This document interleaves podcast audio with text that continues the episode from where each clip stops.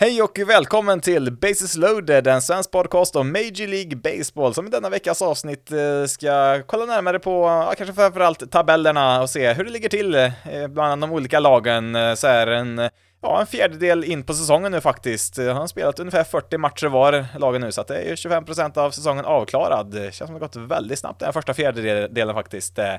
Jag ska även kolla lite eh, tabeller för lite olika statistiska kategorier för olika spelare också, där kommer vi kanske komma in på.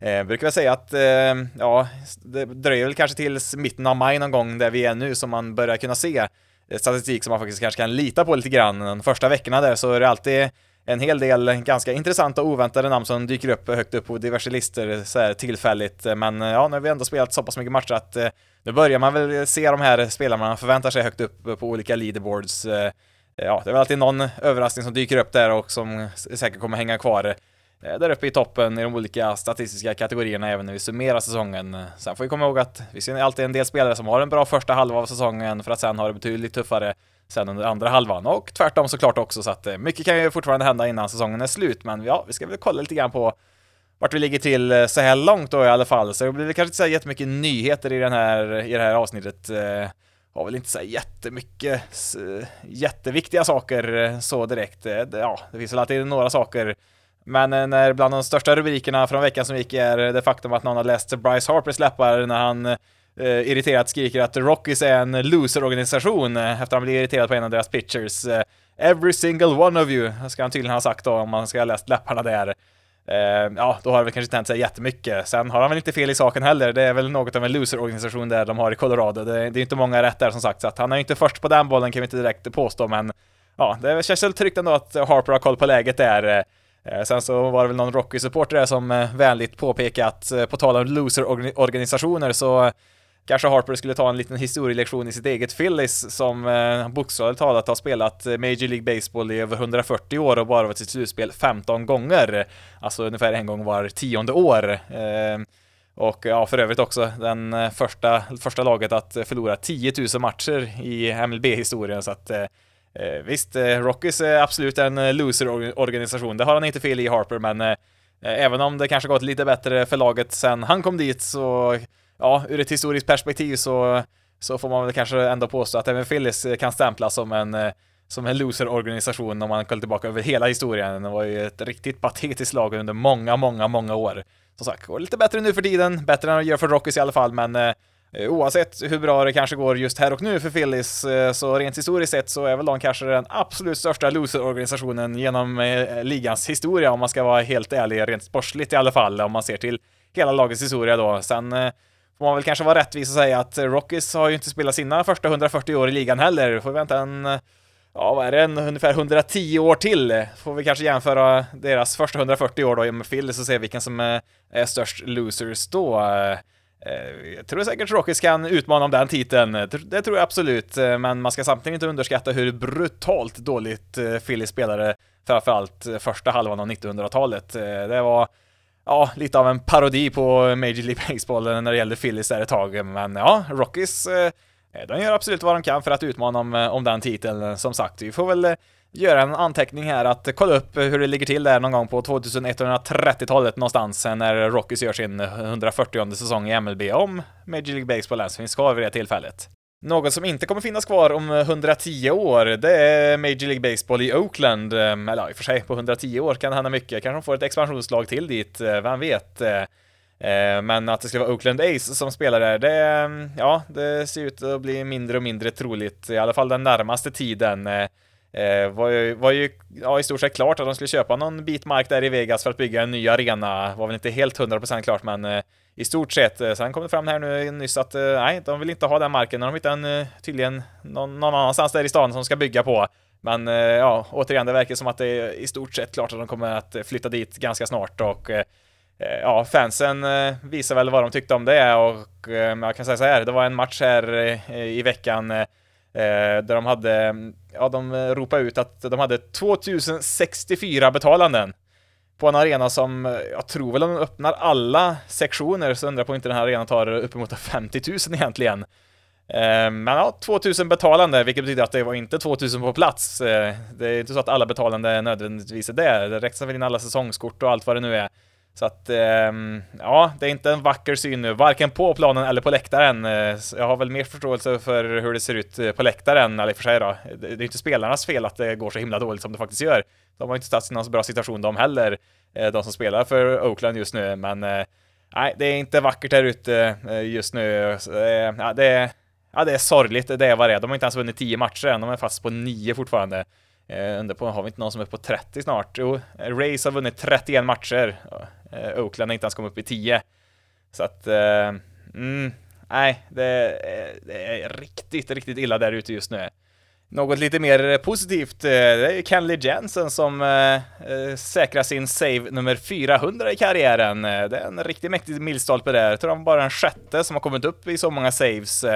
Eh, har ju faktiskt eh, sett ganska bra ut i år, har ju svajat lite de senaste åren, var inte så dominant som han kanske var en gång i tiden med Dodgers, men eh, han har ju ändå kastat relativt bra ändå får man ändå säga och håller sig kvar i closer-rollen. Eh, gick ju faktiskt förbi eh, Craig Kimbrell här för några veckor sedan i antalet saves. Eh, Kimbrell ligger väl på den här 397, 398 där någonstans, så att han är väl också kanske komma upp i i 400 här. Sen är väl han lite mer svajig nu för tiden än vad Jansen är, så ja, kul för honom där och eh, ser ut att bli, kanske bli en ganska bra värvning för Red Sox. Jag var lite tveksam till varför han spenderade så mycket pengar på honom där. Eh, Sen visste jag väl fortfarande lite frågande till, till den värvningen, alltså han fick väl vad var det, tvåårskontrakt, eh, 16 miljoner per år. Det är ganska mycket pengar för en reliever, alltså det är de bästa som, som får de summorna som ska vara liksom en lockdown closer, vilket han i och för sig till viss del har varit. Nu har han väl haft ett par, par inhoppare som inte varit så lyckade här på slutet, eh, ska vi säga, och han har tillåtit eh, sex runs på hela året eh, och fem av dem kommer i de två senaste matcherna, så att eh, fram tills eh, de senaste två framträdandena här så har han ju varit lysande i princip, så att visst, även om han har varit bra så undrar jag nog fortfarande om inte Red Sox hade kunnat spendera de där pengarna på något annat ställe på sin roster för att täta upp ja, andra behov som de har där. Men ja, kul för Jansen i alla fall. 400 saves då i karriären. Det blir intressant att se när han sen går i pension. Han är ju 35 nu om när det blir Hall of Fame-diskussioner. Eh, det är svårt det där hur man ska eh, räkna med relievers. Eh, de bidrar inte alls lika mycket som en starting pitcher gör, men samtidigt ska man med de bästa spelarna ska man kanske ha med även ligans bästa closers också. Det är en viktig roll att ha den med, så att det, det, kan bli en intressant diskussion. Jag vet inte riktigt om hans statistik kommer att räcka till för att ta sig in till Cooperstown, men han har i alla fall varit bra nog i karriären för att det ska vara en diskussion kring det, kring honom i alla fall. Innan vi då rundar av, eh, ja, det, jag vet inte om man ska kalla det för nyhetssvepet, men ja, kalla det vad du vill. Vi avslutar med en liten rolig sak här som eh, jag vill nämna här, som hände under veckan som gick här. Det var en av Mariners eh, minor League-lag, tror jag det var, som eh, eh klantade till lite grann, skulle man kunna säga. För man ska ju lämna in, innan matchen, då ska man gå till domaren och lämna in sin, sitt line-up card, alltså ja, en lista på spelare som ska spela, alltså slagordningen 1 9 och ja, vilken pitcher som ska starta och sådär. Och eh, när man väl har lämnat in det, ja då, då är det det som gäller. Då startar man med de spelarna även om man har gjort ett misstag och ja, ett misstag har man gjort där. Eh, man har nämligen satt eh, eh, fel starting pitcher på, på, på, på deras line-up-kort där och ja, regler är regler så att de fick inte starta med sin pitcher som de hade tänkt sig och då tänker man, ja men det är väl bara att byta ut den. Ja, jo visserligen, men eh, det är ju så här att eh, likt eh, på MLB-nivå så har man även i minor League-systemen en regel som säger att man måste ju faktiskt möta tre stycken slagmän innan man får byta ut en pitcher, så att eh, man fick ju helt enkelt lösa det med att ehm, ja, inleda matchen med att ge motståndaren tre intentional walks eh, så att deras starting pitcher får komma in med bases loaded. Eh, ja, det, Eh, Eh, ja, jag tänkte att man kan inte börja en match sämre än så. Det kan man väl tekniskt sett om man ger upp tre homeruns på de tre första man möter, men eh, så himla mycket sämre kan man ju faktiskt inte inleda en match än med tre intentional walks bara för att man vill ha en annan pitcher in på planen. Eh, ja, har inte så mycket mer att säga om det, utan jag ville mest dela med mig av det mer här och ja, nu har jag gjort det.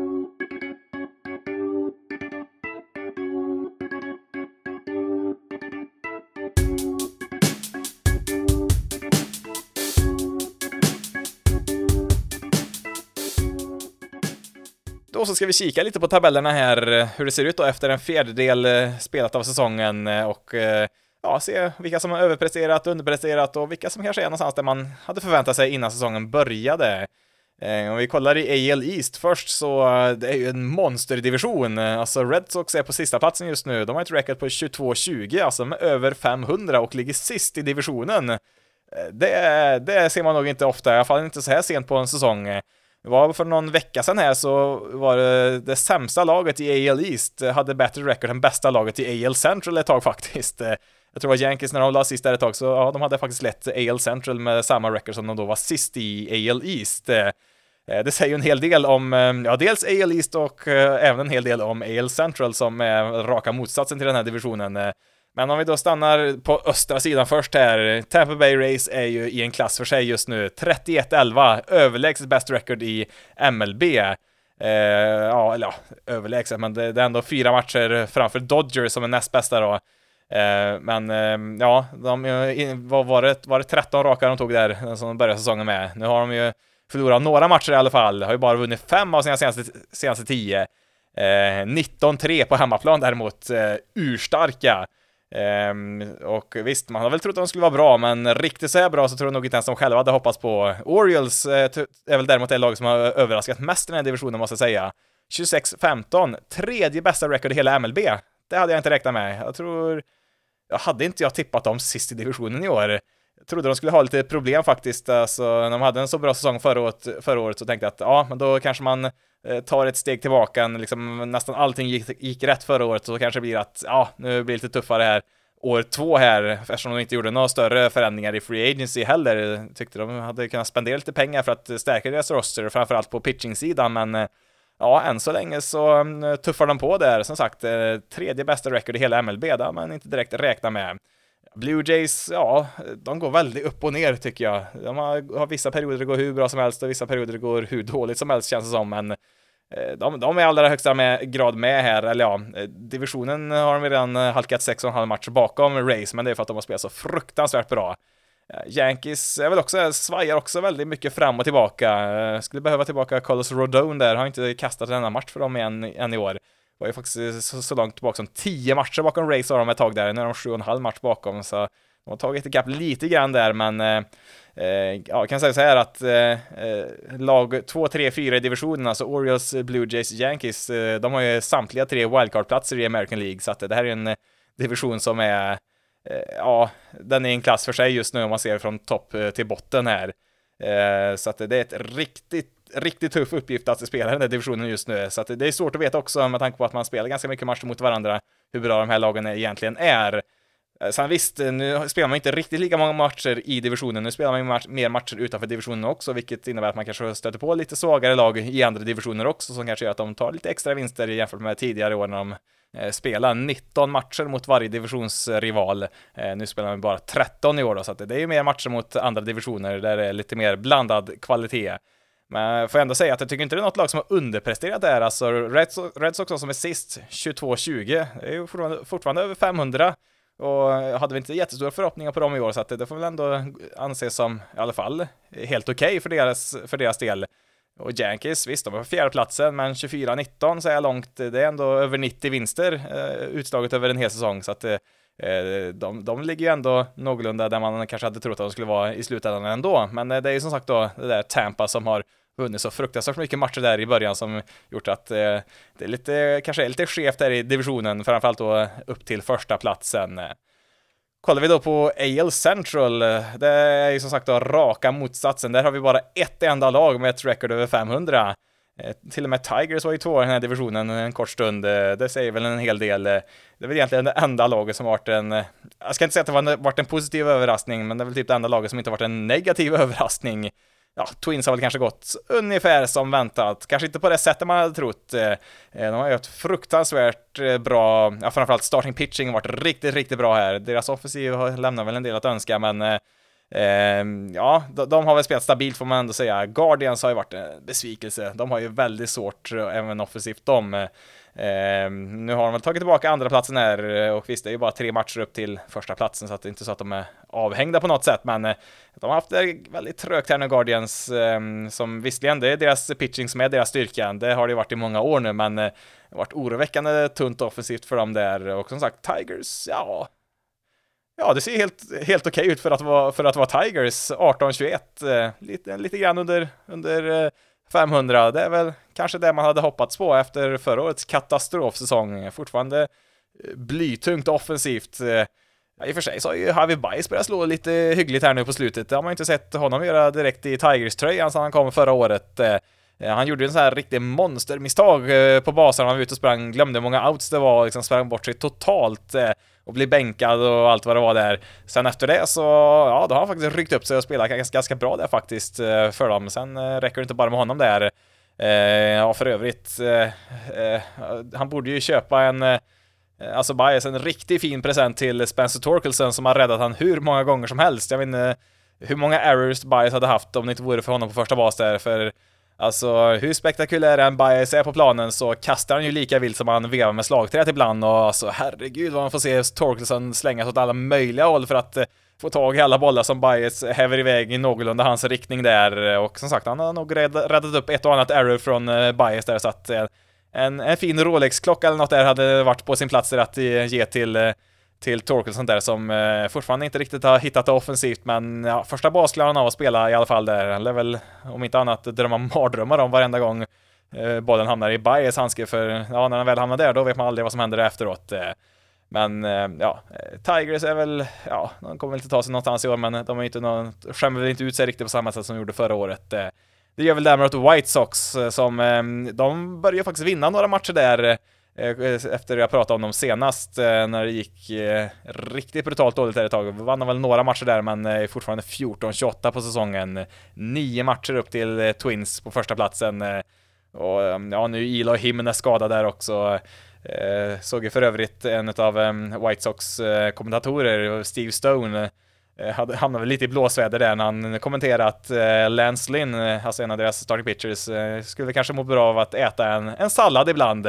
Eh, är väl kanske inte den mest atletiska spelaren i hela ligan, det kan man inte direkt påstå om Lance Lynn, men eh, det var väl kanske inte sådär diplomatiskt uttryckt i en, eh, jag vet inte om det var en tv eller, TV eller radiosändning han sa det där jag fick väl be om ursäkt om det där, men ja, samtidigt så ska vi kanske påpeka att Lance Lynn har en ERA på 7 i år, så att Uh, utrymme för kritik finns ju kring Lance Lynn, sen kanske man inte behöver kanske nödvändigtvis uh, uttrycka sig på just det sättet, men eh, ja, hela White Sox är en katastrof i år. Jag har svårt att se att de ska kunna vända det här eh, till något vettigt. Alltså jag tror inte man kan rädda den här säsongen. Alltså man kanske kan avsluta respektabelt men en wildcard-plats eller en divisionsseger, nej, det, jag skulle bli extremt förvånad. Sen har vi detta Royals då som eh, Ja, 12-31 är de. Eh, omvänt Tampa Bay Race record nästan. Eh, ja, de har det tufft. Det är en organisation som är helt vilse. Eh, de har ju hamnat långt efter i, i, ganska, i, ganska, i ganska många avseenden. Alltså de hade ju jättemånga pitching prospects som de liksom satsade stenhårt på, draftade dem eh, liksom högt upp i draften där och trodde att ja, men snart så kommer de ha en monster rotation här, men eh, det visar sig att det är deras eh, minor League-system och alltså deras utvecklingssystem har ju legat långt efter många andra lag.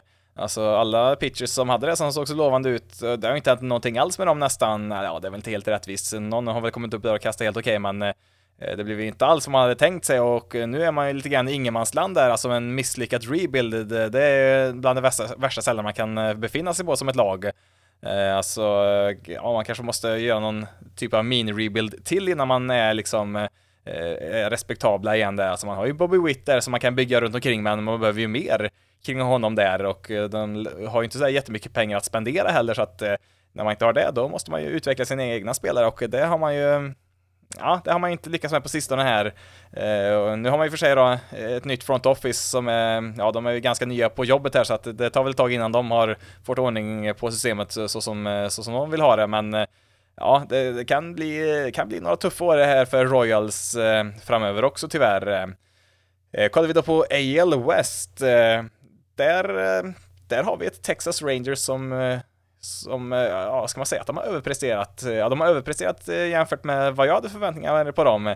Rangers har ju också varit en sån här vilsen organisation i många år nu som man inte riktigt vet, alltså vad håller de på med egentligen? Vad, vad är planen? Alltså de håller inte på med en rebuild, eller ja, kanske lite av en rebuild, men inte fullt ut och så Ja, började vi spendera pengar ganska mycket förra året där och det var väl liksom den första byggstenen där mot den här säsongen när man spendera en hel del pengar till, framförallt på Jacob DeGrom som inledde bra men är inte helt oväntad skadad nu igen. Men eh, de leder den här divisionen ganska komfortabelt just nu, tre matcher för Astros. Eh, eh, ja, jag vet inte om tre matcher för Astros är jättekomfortabelt, men de har ju ändå liksom tagit ett grepp om Eh, första platsen här har ju överlägset bäst run differential, plus 85 eh, ligger de på just nu. Näst bäst är ju faktiskt Mariners på fjärdeplatsen på 33, så att eh, de har ju spelat riktigt bra, har de gjort, Rangers. Eh, Eh, börjar väl kanske kunna tro på det här laget till slut. Eh, när det gäller sådana här lag som, som har varit vilsna, som man inte riktigt vet vad är deras identitet, alltså vad, liksom, vad, vad är planen? Då, då vågar man inte riktigt tro på de, på de lagen förrän man visar att man faktiskt kan prestera och ja, Rangers är väl på väg dit just nu. Eh, som sagt, har inte spelat eh, mer än en fjärdedel av säsongen, men det är ändå någonting att eh, gå på här, så att eh, jag är inte helt säker på att de vinner divisionen, men jag tycker väl ändå de har hyggliga chanser att ta en slutspelsplats. Eh, det tror jag definitivt. Eh, eh får, får vi se hur det går med DeGrom när han kommer tillbaka, men eh, de har ju visat att de kan spela bra även utan honom där. Marcus Semien har börjat se riktigt bra ut där och Corey Seager har dessutom varit skadad stora delar av säsongen, så jag är väl positivt överraskad och försiktigt positiv till Rangers fortsatta, fortsatta säsong. Eh, men eh, frågan är ju då, hur länge kan man hålla emot Astros som eh, i och för sig har sina egna problem? Eh, Luis Garcia där i deras rotation åkte på en Tommy John-operation här nu alldeles nyligen och mm, Altuve är väl, ja han är, han är väl på väg tillbaka här nu i spel, han har ju saknat honom där men det är väl kanske någon liten baksmäll här från World Series-titeln som det faktiskt brukar bli. Vi har inte haft ett lag som har vunnit två år i rad på, en, på över 20 år. Eh, så att det är tufft att eh, komma tillbaka efter en World Series-seger. Eh, dels då har man ju spelat en extra månad, kanske sitter i lite grann i kroppen när man, när man spelar så pass mycket längre än de flesta andra lagen och sen som sagt kanske svårt för en del att liksom ladda om efter att ha liksom nått det ultimata målet och vinna en titel. Alltså, tänk dig själv, det är nog inte speciellt svårt att motivera sig själva och gå ut och spela liksom inför eh, liksom ett fullsatt Minute Maid Park med 40 000 galna hemmafans där i en slutspelsmatch som betyder hur mycket som helst. Eh, jämfört då med en eh, trött bortamatch inför 2000 åskådare på vad man nu kallar den där arenan i Oakland nu för tiden. Det är inte riktigt samma sak såklart, så att det är inte helt lätt att ställa om efter en, en lång World Series-resa. Får vi se om man kan vända på det här till slut. De är ju som sagt bara tre matcher från, från första platsen så att Eh, det är inte så att de är långt borta där, men eh, det är ändå en liten trög start. Ehm, Angels är ju strax där bakom, 22-20. Eh, det känns väl ändå som att de är kanske ett mer kompetent lag än vad de har varit de tidigare åren här, men fortfarande inte på den nivån som hade önskat att de skulle vara när de ändå har Otani Trout. Nu har ju faktiskt Rendon spelat rätt okej okay för de här så här långt i år och kan han komma upp i någorlunda samma nivå som han var i Nationals, ja då börjar det väl se lite mer intressant ut där. Men eh, ja, frågan är om det räcker. Alltså, eh, Angels är helt enkelt ett okej okay lag. Det är de. Sen är ju frågan då, räcker det att vara okej okay för att nå slutspel? Det är ju tveksamt. Alltså fortsätter lagen i AL East att spela så bra som de har gjort så lär ju de eh, hamna för Angels i, i ett wildcard-race i alla fall.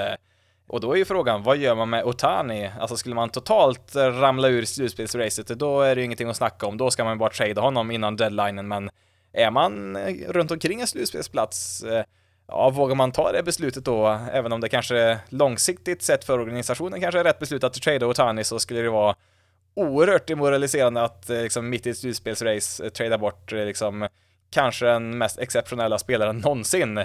Ja, det, det blir intressant som sagt att se eh, hur de tänker där när deadlinen närmar sig där i augusti. Eh, sen vill jag också nämna där när vi pratar Angels, Zach Netto som de plockade upp där på deras shortstop. Eh, blev faktiskt den första spelaren att eh, debutera i MLB från eh, förra årets draft, alltså draften sommaren 2022. Eh, har väl inte varit exceptionell på något sätt, men eh, har ändå spelat väldigt bra med tanke på att han som sagt då draftades för mindre än ett år sedan, så att ja, lite kul eh, att ha koll på honom där, Zach Netto då, shortstop för Angels. Eh, Mariners har ju, ja, då får man ändå säga underpresterat lite grann. Eh, 21-20, alltså en match över 500, men eh, har väl inte imponerat på något sätt eh, där. Robbie Ray är ju borta för resten av säsongen där. Ett tapp såklart, men ja, det känns som att de borde ha en växel till där. är ju på fjärdeplatsen i divisionen, men det är ju väldigt tight där får vi säga. Alltså Astros och Angels har 22 vinster, Mariners 21, så att de ligger ihopklumpade där, alla tre där på andra, tredje, fjärde platsen. Eh, verkar väl lite grann som att kanske Mariners fick det här bakslaget som jag kanske trodde att Orioles skulle ha i år. Eh, men det, det, är ju tidigt än så länge, men ja, jag förväntar mig lite mer från Mariners del. Eh, det gör väl kanske inte från Oakland då, som vi har pratat om mycket i årets podd här. Deras eh, vinstprocent är ju, ja den är knappt över 20 procent. Alltså, man pratar ju om 500 lag, då har man alltså då en vinstprocent då på 50 procent, alltså då har man ju lika många vinster som förluster. Eh, Oakland är knappt ett 200-lag då, alltså de har vunnit bara 20% av matcherna. 9-34, alltså de är inte ens uppe på tvåsiffrigt än. Och då har de då spelat, eh, ska vi se, eh, 43 matcher. Jag måste nästan kolla här, ska vi se, alltså eh, ligans sämsta record någonsin. De måste ju vara i närheten i alla fall. Alltså vi pratar ju mindre än 40 vinster i år om de skulle fortsätta i samma takt av resten av året. Det är ju ingen garanti men eh, eh ska vi se om vi hittar sämsta record någonsin. Eh, ja, hamnar vi på Wikipedia här, men vi litar väl på att de har rätt i det här avseendet. Eh, ska vi se om vi kollar i mod ja, modern tid, det vill säga från 1901 fram till nu då, så att det är ju de senaste 120 åren då som räknas som modern tid. Då eh, skulle de, ja, då skulle de definitivt eh, ta rekordet, eh, sämsta record någonsin. Philadelphia Ace, ja, samma organisation då, fast på tiden de spelade i Philadelphia. 1916, då gick de 3617, en vinstprocent på Eh, 23,5. Ehm, så att det skulle vara det, vara sämsta record någonsin, eller ja, i modern, i modern tid i alla fall. Ska vi se, de har väl även lite äldre då, här från 1800-talet. Eh, eh, ska vi se, ja, det, riktigt där är de inte än. Vi har, ja, vi har ju Cleveland Spiders 1899. Det är, ju, ja, de är erkänt kända för att vara ursämst. De eh, vann 20 matcher, förlorade 134, vinstprocent på 13 procent. Eh, 84 matcher från, eh, från titeln i National League det året. Då spelar man i för sig bara 154 matcher på den här tiden, men skulle man ha samma vinstprocent som man har just nu så skulle man ha det fjärde sämsta record någonsin och då har vi då alltså räknat in även de här rekorden från 1800-talet. Vi har även Pittsburgh Alleghenies. De lyckades vinna 23 matcher 1890, förlora 113. Och även Louisville Colonels 1889. 27 vinster lyckades de skrapa ihop och de spelar ju inte ens i vad vi idag kallar Major, Major League Baseball. De spelar i något som kallas för American Association Eh, räknades som en Major League eh, men eh, la ner 1891 så att det är liksom på de här nivåerna vi pratar om eh, när vi pratar om hur dåligt eh, Ace har spelat i år. Det är Nej, men det, det, är bara pinsamt, det är vad det är. Och att man har gjort det så här avsiktligt också. Det är, ja, det är sjukt hur dåliga de är i år. Och så, som sagt att man gör det här med avsikt också. Ja, nej, det är så, det är så sjukt fult gjort av de här. Eh, Jag pratade ju mycket om det här för något avsnitt sen, så kan man gå tillbaka och lyssna på det om man vill höra mer om Eh, tragedin som är Oakland Ace eh, 2023. Som du kanske märkte så var ju bara det där American League. Vi har ju hälften av lagen kvar, men eh, som, eh, som det tyvärr har blivit här nu på sistone, jag har inte tid. Jag börjar få lite dåligt samvete nu om jag ska vara helt ärlig för, för allt jag missar här nu. Inget avsnitt förra veckan och nu hinner bara med halva ligan att gå igenom de här. Eh, men ja, tyvärr, jag kan inte trolla mer framtid. Klockan är ungefär halv elva på kvällen här nu så att måste ta, dra ett stopp här någonstans. Jag ska ju upp här nu till jobbet imorgon och spela fotboll med årskurs 1 Det är eh, ja, likt eh, Cedric Mullins cycle som han slog här nu i, i veckan som gick, så det, det, är inte helt enkelt att göra. Det är alltså roligt, men det krävs mycket energi och koncentration för att eh, få ett sånt projekt att eh, gå i mål, så att tyvärr måste jag avbryta eh, veckans avsnitt här. Men på tal om tid så finns det lite extra den här veckan. Det här är ju nämligen eh, avsnitt 99 och eh, då tänker jag att eftersom att eh, det inte är något arbete för min del i alla fall, varken torsdag eller fredag, så hinner jag ju faktiskt spela in ett hundrade avsnitt av den här podden ja, på torsdag eller fredag där, eller både och kanske till och med. Och sen då återkommer med ett ordinarie avsnitt då förhoppningsvis nästa vecka, avsnitt 101, som då kan beröra hur det ligger till i National League så att vi får med den sidan också. Så att eh, även om jag inte har tid precis här och nu så borde jag ha mer tid eh, den närmaste veckan i alla fall att kunna producera lite extra eh, material här för eh, podden. Så att vi gör helt enkelt så att vi sätter punkt för podden här just nu och får in ett, ett, litet extra avsnitt som får bli avsnitt nummer 100, kommer på tresiffrigt. Ska bli kul det. Och som sagt återvänder till National League då, hur det ligger till där. Ehm, nästa vecka då förhoppningsvis och kanske också då kolla lite grann eh, eh, individuella spelare som ligger bra till i olika kategorier där som jag nämnde i början av avsnittet som jag hade tänkt att komma till här i detta avsnitt, men eh, återigen, nej, tiden rinner iväg. Eh, och har, har som sagt lite, lite dåligt samvete ändå, men man måste inse sina begränsningar ibland också. Tyvärr är det så. Kan väl också bara på, påminna om att på torsdag, 18 maj, eh, kör vi en eh, veckans matchdag där. Har vi några tidiga matcher där, halv sex börjar det. Eh, eller förlåt, halv sju ska jag säga. Angels mot uh, Orioles kan vara intressant där. Sen har vi vid sjutiden har vi Rays mot Mets, eh, Nationals mot Marlins eh, och sen vid åtta tiden har vi Guardians mot White Sox. Så det finns eh, fyra tidiga matcher där att se på och eh, de är som vanligt välkommen att eh, hänga med där i discorden eh, under kvällen om man vill snacka en, lite grann kring de matcherna eller MLB i stort där så att Eh, Eh, vi körde som sagt då en veckas match matchdag den här veckan, det blev inget förra veckan där. Återigen, det är lite dåligt med tid för, för mig här nu de sista veckorna här innan sommarlovet då. Jobbar som idrottslärare för de som inte vet det, så att eh, har några veckor kvar där, sen så har väl all tid i världen där under en del av sommaren i alla fall att spela lite mer än vad jag gjort här nu på sistone. Men ja, som sagt, vi, vi säger tack för idag för den här gången och återigen, vill man få kontakt med mig så kan man ju Eh, ja, dels genom Twitter, basisloaded.se kan man leta upp där, även eh, på, på, på Facebook och eh, Instagram. Kan även mejla till basisloaded.se gmail.com. Men ja, då får jag helt enkelt säga att jag har pratat tillräckligt för idag. Mitt namn är Jonathan Fabri. Tack så jättemycket för att du har valt att lyssna på detta avsnitt av Basis Loaded. Ni får det så bra där ute, så hörs vi i avsnitt nummer 100.